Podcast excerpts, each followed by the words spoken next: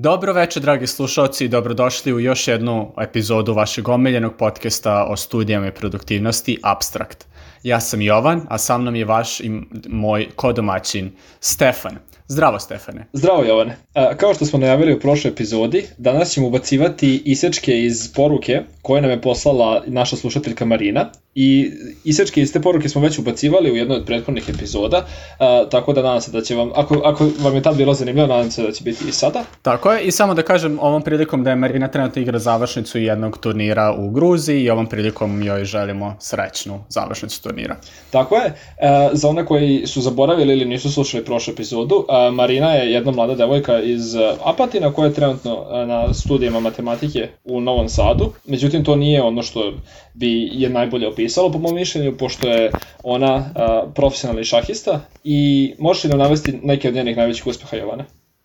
Pa mogao bih Stefane, ali mislim da šta god ja da kažem da ću izostaviti mnogo, mnogo važnih i velikih uspeha, tako da mislim da je mnogo bolje da prosto u ovaj opis emisije stavimo ponovo Marinin zvanični profil na Internacionalnoj šahovskoj federaciji, pa naši slušalci mogu i sami da se uvere sa kime imamo priliku da diskutujemo u ovoj emisiji. No dobro, Stefane, možeš nam reći koje ćemo tačne teme obraditi u ovoj emisiji? Da, danas ćemo pričati o tome koliko su ocene zaista važne i da li su predstavljaju jedno pravo merilo znanja i u neku ruku vrednosti učenika.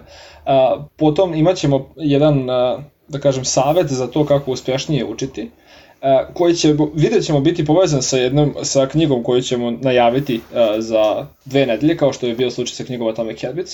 Potom ćemo imati mm -hmm. uh, poruku koju nam je poslao još jedan naš slušalac, do duše anonimno, i osvrnut ćemo se na temu introspekcije koju nam je Marina poslala u njenoj poruci, tako da ćemo tu imati još jedan njen isečak. Tako je, jedva čekam i zato hajde da ne odogoločemo uopšte, ne već da čujemo prvi isečak iz Marinine poruke. Nakon što nabavim sve te sveske, ja sedim po nedelju dana svaki put nakon tog turnira sedim i samo učim dan, noć, noć, dan, dan, noć, noć, dan da bih stigla sve to što sam izvostela. Pa sad neko mi pitao, dobro, zašto ako već nisi tu bila, zašto vijaš sve petice? Ne znam zašto sam vijala sve petice.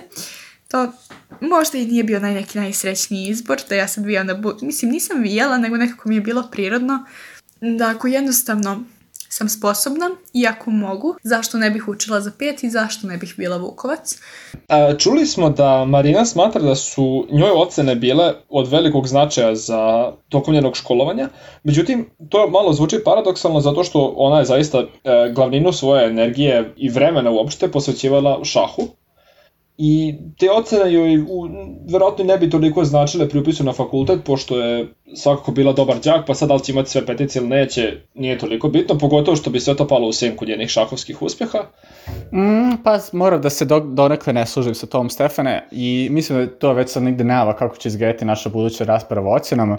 Uh, zbog toga što upis na fakultet u Srbiji zavisi jel, značajnim delom 40% su ocene iz srednje škole i uz neke nave da će u narednim reformama i još i veći procenat biti uspeh iz srednje škole.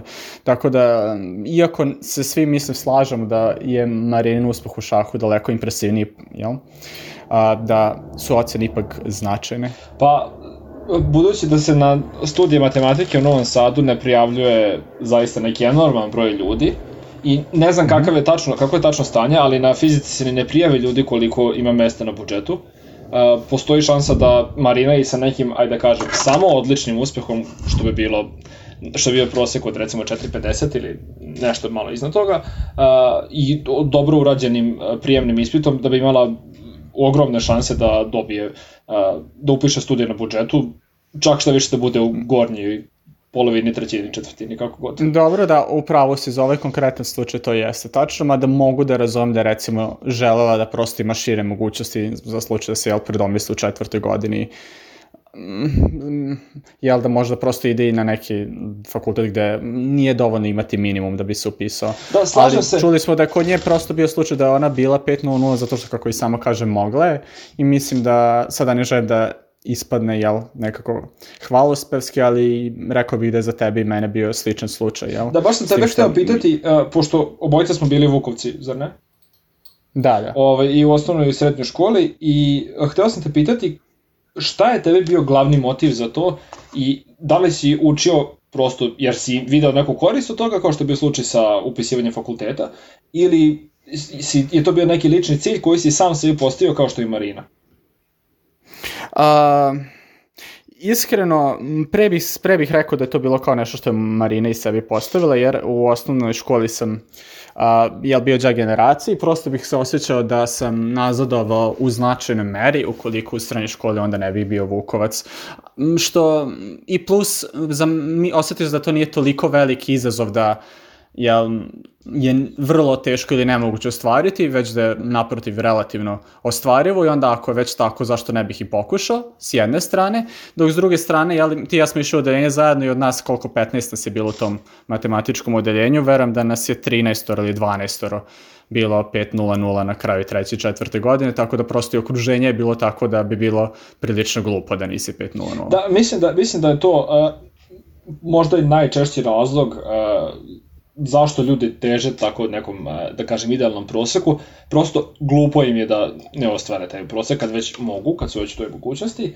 što je donekle i bio moj, moj motiv. Međutim, sad, to je malo paradoksalno, pošto složit ćemo se da ocene možda nisu najbolje merilo znanja i vrednosti učenika. Šta ti misliš o tome? Mm, sada, to je jedno vrlo kompleksno pitanje i mislim da je vezano u značajnoj meri sa time šta je škola i šta škola predstavlja zapravo i koliko je smisleno to što se uči u školi i način na koji se predaje. Uf, mislim da ocene naravno ne predstavljaju znanje na jedan objektivan način i mislim da postoje mnogo prostora za unapređenje na, za početak prvo što mi pada na pamet su neki standardni testovi, jel? Da ne zavisi toliko od individualnih profesora šta će se testirati, na koji način se to ocenjivati. I već sama ta činjenica da postoji tako jedan lak način da se ocene isprave nam govori da ocene nisu objektivno merilo znanja, što ne znači da su potpuno nezavisne od znanja. Naravno da postoji ta neka um, da, korelacija između ocene i znanja, samo je pitanje koliko ona velika. Da, ja, ja ću sad možda malo uh, biased reći ovo, uh, pošto smo možda bili u specifičnom okruženju što se tiče naše srednje škole, ali ja bih rekao da je metod ocenjivanja na, na koji smo mi imali zapravo prilično idealan u smislu da ne bi moglo u bilo kakvim okvirima realnosti da se puno popravi. I kad poredim sa fakultetom, na primer, mislim da, lju, da profesori, odnosno nastavnici u srednjoj školi, mnogo više vremena i pažnje posvećuju e, ocenjivanju učenika nego što bi se to dešavalo na fakultetu, gde sve to, da kaže, prođe neko brže i bez posebnog razmišljanja o tome. Hm. Pa sada nisam siguran. Uh Mislim da je tu velika razlika između usmenih i pismenih predavanja, jer evo recimo ako imaš pismeno predavanje i u sali je vas 150... Misliš ispit? Da, da. E, izvinjam se, pismeni ispit i u sali je vas 150 koji radite ispit i posle toga ima termin za uvijek gde se tačno vidi kako ocenjiva, na koji način, šta je bila matrica za ocenjivanje. To je donekle blisko objektivnom ocenjivanju, jel? Dok s druge strane, ako imaš otvorena pitanja gde su u fazonu, evo ti ovaj pojam, napiši sve što znaš, to je već mnogo više otvoren interpretaciji. Tako da, pla, plašim se, bukvalno što god da kažem, teško mi je bilo šta da kažem, pošto za s, bukvalno koji god izjavu da mi padne na pamet mogu da smislim neki kontraprimer, vrlo opširna tema ocenjivanja. E da, slažem se sa tobom i dakle sve što kažemo, ja mislim da bi naši slušalci trebali da uzimaju sa nekom rezervom, zato što sve što, bi, sve što kažemo bi bilo i više generalno za ovu konkretnu temu. Da, možda bismo zato mogli nekako specifičnije da to kažem, pa da pričam više o, o svom trenutnom odnosu prema ocenama na fakultetu, jer to je, ja bih rekao, malo kompleksije od našeg odnosa prema ocenama u osnovnoj školi. Mm, ok, hajde, osvrnuo bih se samo na oba, pošto još nisam dao svoje mišljenje. Ja mislim da, da. ocene jesu značajne, u smislu da možda nisu, ajde da kažem, savršeno idealan i čak da kažem nerealan pokazatelj nečeg znanja, ali mm -hmm. zapravo prilično dobro oslikavaju nečiju disciplinu, radne navike, a, sposobnosti i tako dalje, sve to u, u, u zbiru nekom. Apsolutno se slažem, da, ali, ali kada ljudi kažu dobio sam pet iz matematike, uglavnom ne misle bravo, to znači da si samodisciplinovan i da možeš da učiš, već misle ljudi da ta ocena znači super znaš matematiku. Um, Tako da, mislim da postoji taj neki ra rascep između toga što si ti sad rekao i onoga zašto bi većina ljudi mislila da ocene služe. Ok, složio bih se i mislim da bi to moglo da bi to moglo da nam bude jedna od tema u narednim emisijama, kako, da kažem, ljudi koji postižu uspeh percipiraju taj svoj uspeh i kako drugi ljudi percipiraju taj njihov uspeh. I toga, to, toga smo se pomalo dotakli u a, prethodnim emisijama, a, gde se čini da uspešnim ljudima taj uspeh dolazi preko noći, a ono što je zapravo stvar je, kao što smo pričali i u review knjige Atomic Habits i u prethodnim nekim epizodama, taj uspeh je samo posledica nagomilavanja sitnih unapređenja i koraka što u različitim oblastima, što u toj oblasti u kojoj je uspeh postignut.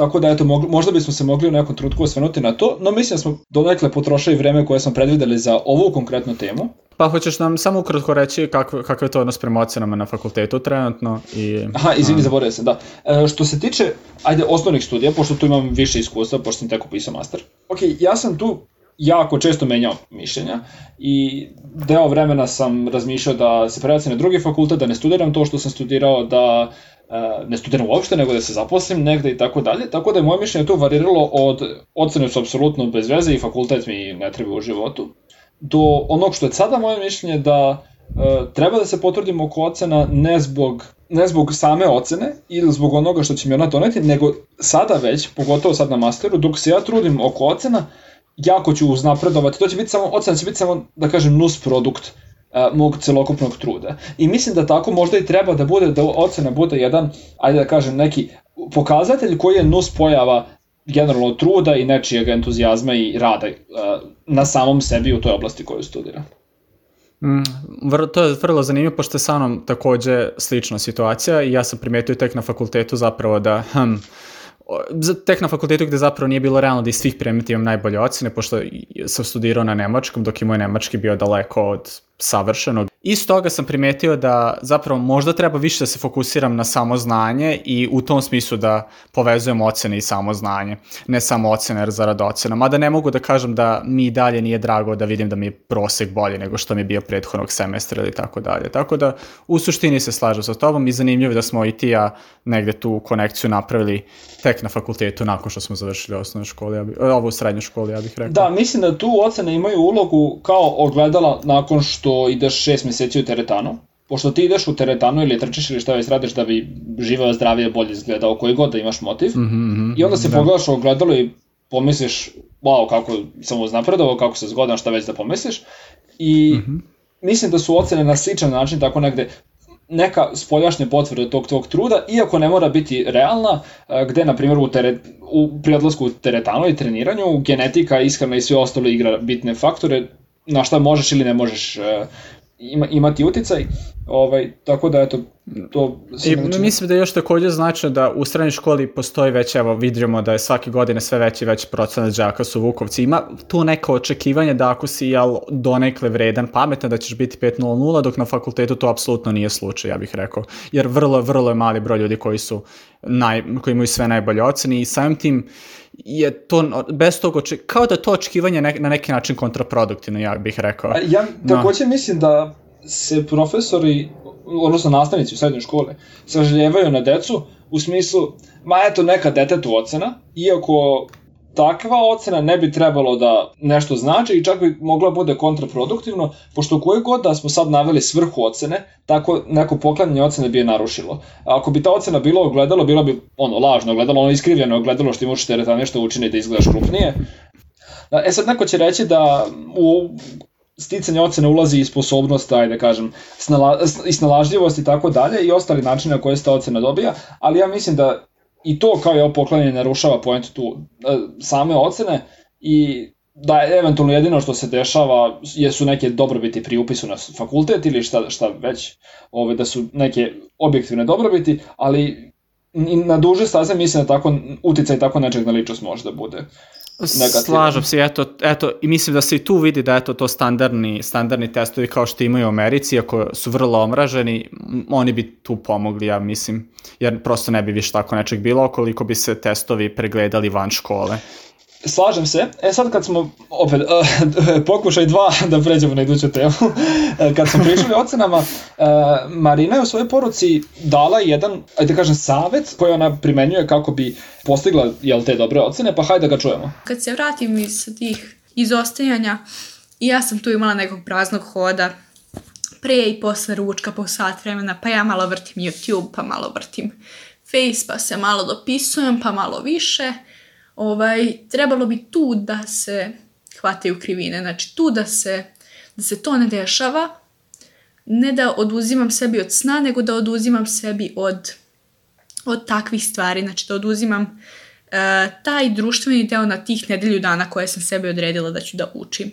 Znači, te žrtve moraju da se podnose, da se budeš svestan žrtvi, ali da se podnose. Znači, ne da se samo sažaljavam, nego jednostavno napravila sam neku žrtvu i, i svesna sam toga i I to radim zbog sebe. E pa, u ovom konkretnom slučaju misle da je Marina ubala vola u rep. Čekaj, to postoji kao izreka? ok, uh, drage slušalci, uh, čućete puno... No, u svakom slučaju, ono što sam hteo da kažem je da ova Marinina poruka pun pogodak, zato što a, iz mog iskustva barem, socijalne mreže su nešto što je verovatno najgore za produktivnost. A meni lično bilo i pre svega Facebook je moj problem bio. Malo kasnije Twitter, ali nikada u toj meri kao Facebook. I pokušavao sam razne metode da sebi smanjim Facebook od tipa ograničenja, možeš 5 minuta svaki sat vremena i tako dalje, ali sam onda pronalazio način da zaobiđem te softverske jel, mere. I prost, i onda sam naravno imao mom, preko samog Facebooka sam pokušavao da sakrijem stvari koje su mi interesantne, jer prosto ono što se meni dešavalo je ode na Facebook, vidim nešto zanimljivo i onda uđem u to šta god. Um, i ostaje mnogo duže nego što sam očekivao. I na kraju sam shvatio da je jedini način da se sredimo te bukvalno zavisnosti koja se bila razvila kod mene, da potpuno deaktiviram Facebook i što je vrlo interesantno, nakon recimo mesec do mesec i po me potpuno prošla želja za Facebookom i sada kada se setim Facebooka jedino što osetim je iskreno sreća što više nisam na Facebooku. Jer se osjeća kao da sam imao jednu vrlo lošu naviku koja mi je uzimala i vreme i iz nekog razloga sreću i pozitivne osjećanja i da sam se prosto toga rešio. Prosto na, moja deaktivacija Facebooka je nešto na što gledam kao mali lični uspeh koji mi ispunjava sreću svaki put kada ga se setim. A kaži, uh, jel, pošto ja nisam to uradio, tako da ne mogu da se uh, poistovetim, uh, ti dalje koristiš mm -hmm. neke druge mre, uh, mere, ne mere, ti dalje koristiš neke druge načine za komunikaciju, kao što -hmm. je Whatsapp, uh, Telegram, Skype i tako dalje, preko kog trenutno pričamo. Da. da li je njihova prednost u, u tome što nemaš onaj feed koji je personalizovan i koji...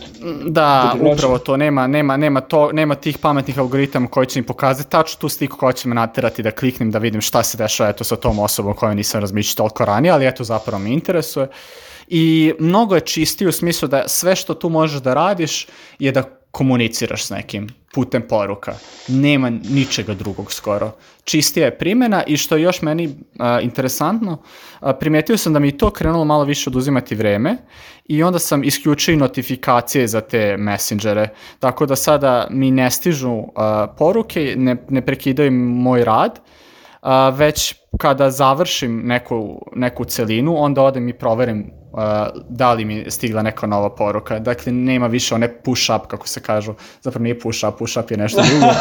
pop up, notif pop up notifikacije. ovaj, tako da, eto, da, ali da, mislim da ćemo to pričati u epizodi 9, uh, kada budemo obrađivali knjigu koju ćemo najaviti na kraju ove epizode, stay tuned for naz, za naziv te knjige. No dobro, Stefane, i sad sam se ja malo raspričao, reci mi kakav je tvoj odnos sa socijalnim mrežama? Dakle, ti nisi obriso, znači našao si neki način da kontrolišeš prosto svoje vreme koje tamo provodiš. Pa, što se Facebooka tiče, generalno kada ga koristim, odlazim na Messengerov sajt umesto na Facebookov sajt, na Messengeru nema taj feed i prosto nemam potrebu da odlazim na Facebook, pogotovo što uh, nevezano za računar koji koristim ili za browser koji koristim, uh, chat opcija u samom Facebooku je iz nekog razloga sporija i, i, i više problema pravi nego u Messengeru. Tako da ovaj, taj problem nemam nekako slučajno, ali... A dakle, na sam Facebook koliko često ideš, šta bi rekao? Pa ne znam, jednom u dva, tri dana možda. Aha. Ovaj, pre sam išao češće dok sam studirao u Novom Sadu, pošto da su se tamo nalazile bitne objave vezano za studije. Um, ali u tom slučaju bih se samo zadržao da proverim to i mislim da sam to uspeo da držim na nekom zdravom nivou. Mada i dalje se ponekad dešavalo da zaglavim samo listajući ove stvari koje me zapravo ne, ne zanimaju, ali eto tako listim gde bih ih listao. Mm uh, dobro.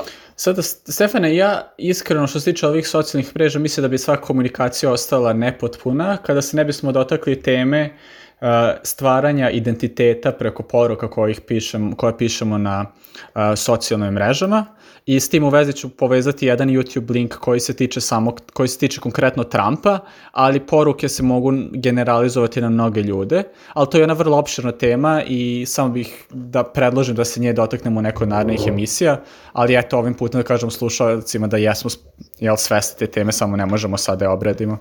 Uh, dobro, slažem se sa tobom. E sad, uh, nastavio bih dalje i sada ćemo čuti uh, ori originalno pročitanu uh, poruku koju nam je poslao jedan naš slušalac anonimno, pa hajde preslušamo.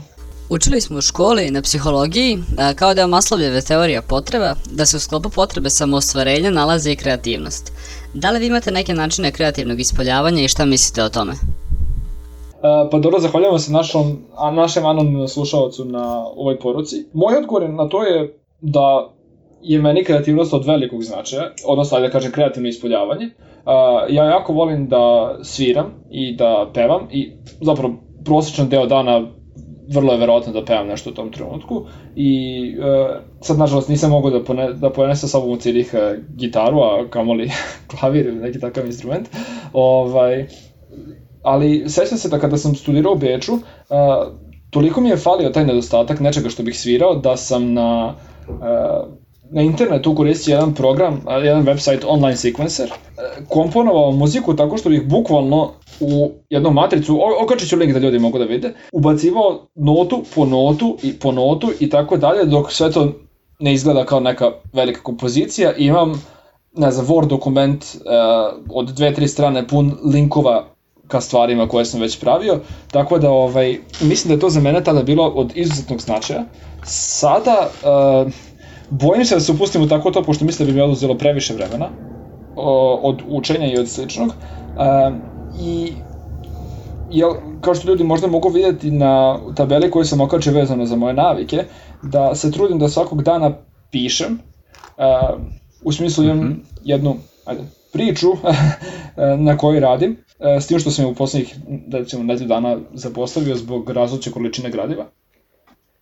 I, ali, ali svakako primetim potrebu za tim i imam osjećaj da deluje što stimulativno, što opuštajuće i opet te zdravija stvar za raditi u slobodno vreme nego neka druga stvar koja bi jel, mogla da izove zavisnost kao što je gledanje snimaka na YouTube, moj problem, igranje video igara ili takođe, šta već. Takođe.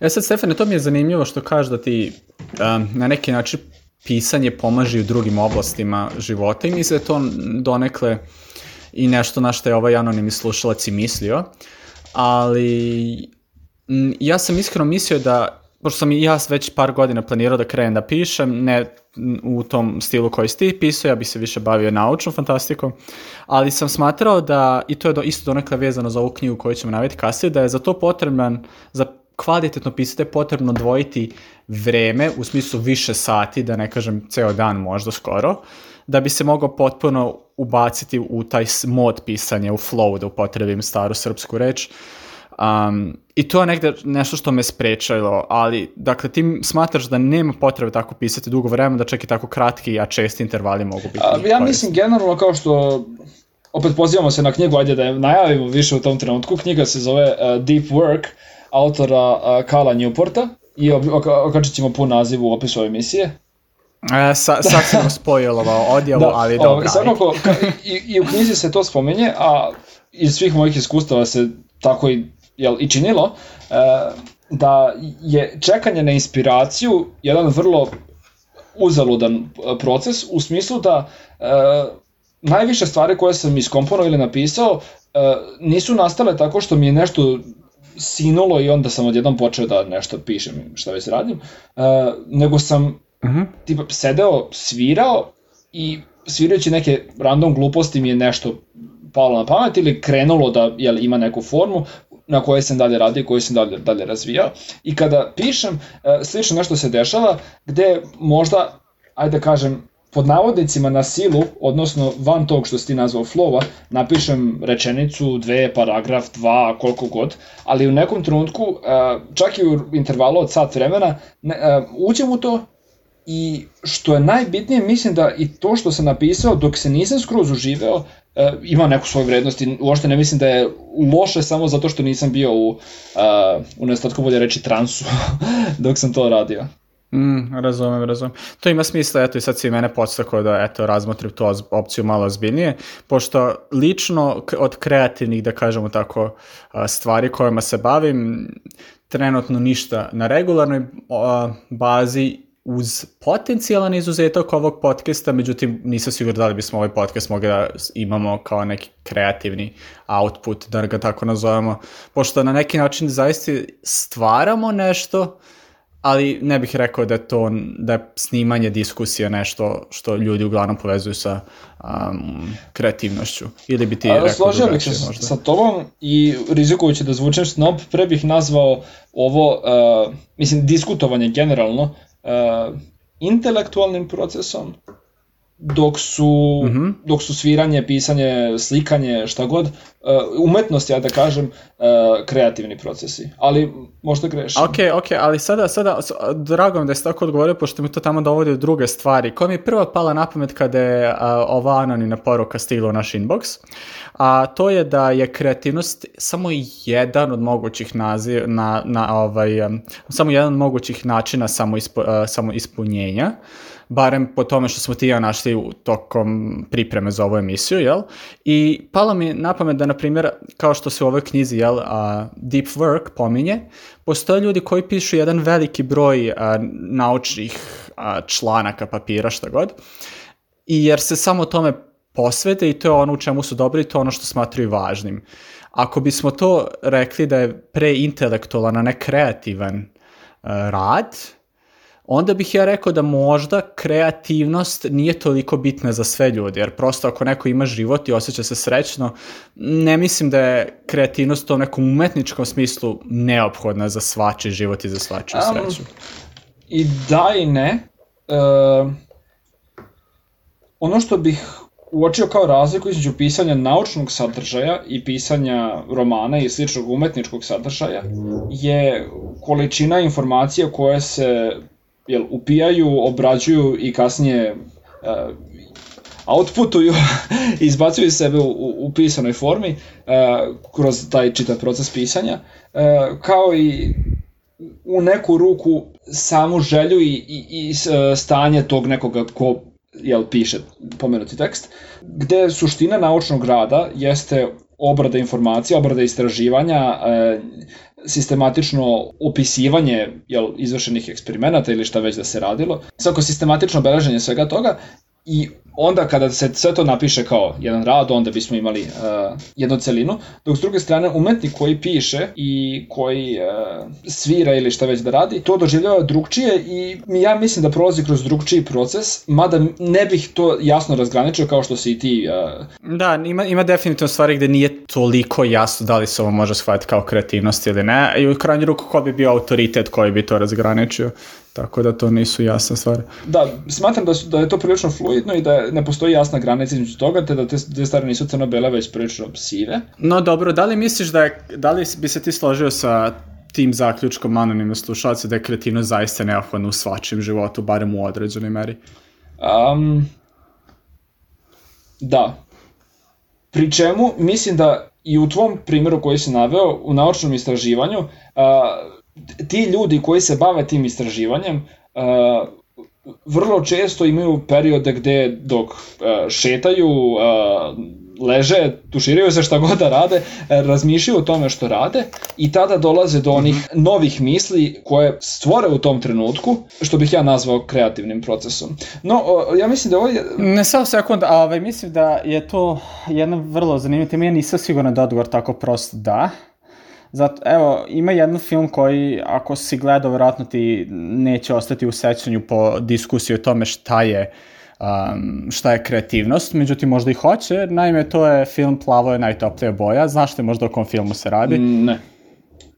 Dobro, a, neću ga opisivati, ali u suštini a, u filmu su dve žene, samo ću reći da su u filmu dve žene koje su jel, ljubavnice. Uh, i jedna od njih je umetnica, slikarka konkretno, dok druga se bavi, radi u zabavištu. Naime, i ta umetnica sma, pri, kroz ceo film gotovo da očekuje od te svoje partnerke da krene da piše priče za decu, da ih zapisuje, da na neki način ona sam bude kreativna, dok na što je ovo odgovara da ona ne želi da se bavi tim pričama, da ona te priče zama smišlja, onda ih ispriča toj deci i to je njoj sasvim dovoljno. Tako da, eto, mislim da to, to je još jedna, još jedna dimenzija koja malo komplikuje stvari. Da li je kreativnosti ako se ne čuva i ne ostaje zapamćena u nekoj pisanoj formi, ne ostaje sačuva u nekoj pisanoj formi, tako da mislim da svaki čovjek je u neku ruku kreativan, ali da li je potrebno imati neku kreativnost u smislu nekog umetničkog dela koja ostaje sačuvano, nisam siguran da je toliko neophodno. E, pa nazvao bih i to pričanje priča, i kao, kao i a, ples, glumu i slične neke a, um, izraze, umetničke izraze kao a, jel, kreativne procese. Međutim, a, ja -hmm. mislim da su filozofi puno razmišljali o tome i da bi možda bilo korisno da a, čujemo mišljenje nekoga ko je jel, učen po tom pitanju i da čujemo uh, neka kompetentnija mišljenja možda od naših, tako da ako imamo neke uh, filozofe među slušalcima, uh, molim vas da nam pomognete u ovoj diskusiji. Naša email adresa je abstract.posta.gmail.com pa ste dobrodošli slati bilo kakve komentare. Tako je. E sad, Stefane, a, ja vidim da smo mi već prešli do brano pola sata, što neka naša tema za očekivane dužine emisije i da još nismo ubacili pritom a, poruke slušalaca, tako da se plaše da ćemo a, razgovor o introspekciji i još jednu Marininu poruku morati da ostavimo za neko od narednih epizoda, što možda i nije toliko loše, što će tamo naši slušalci imati a, još jednu priliku da čuju svakako jedno od naših najperspektivnijih mladih šahistkinja, čije mišljenje meni barem uvek zanimljivo. A, slažem se, mislim da je vreme da uh, pređemo na završni deo emisije. Uh, naime, uh, za dve epizode, dakle ne idući vikend nego onaj tamo, uh, negde sredina novembra, uh, ćemo raditi review knjige Deep Work autora Kala Newporta, ili Cal, kako mm -hmm. bi se to čitalo, ne znam. Uh, svakako okačit ćemo... Dobro smo pripremljeni za ovo kao i za svaku prethodnu emisiju. da, uh, okačit ćemo uh, na, pun naziv knjige autora u opisu ove emisije. I mm -hmm. uh, u iduć, i, a, iduća epizoda, dakle pre te uh, najavljene, uh, će biti uh, vrlo posebna u tome... Tako je, ne, nećemo, nećemo sada reći zašto, ali očeku, mislim, jel tako Stefane, želimo da slušalci imaju što je više moguće očekivanja, jer ćemo ih ispuniti, bit će puno ekstravaganze, nešto što do sad nikad niste čuli, bit će fantastično. Dakle, totalno nezapamćen show vas očekuje, uh, mada mislim da je ovakva količina uh, izmišljenih metafora, freudovskih lapsusa i tako dalje e, je takođe bila neprevaziđena u, na prethodnim našim emisijama. No, ovaj put je drugačiji, ovaj put će biti zaista sjajno, slušajte nas i sledeći put. E, I još jedno bih napomenuo da je naša email adresa abstract.posta.gmail.com E, tako da e, svi vaši komentari, sugestije, pitanja i tako dalje su i više nego dobrodošli i potrudit ćemo se da ih e, čitamo. Tako je, i radujemo se svaki, svakoj vašoj poruci, bilo u tekstovnoj ili audio formi i s moje strane, zdravo! Pozdrav!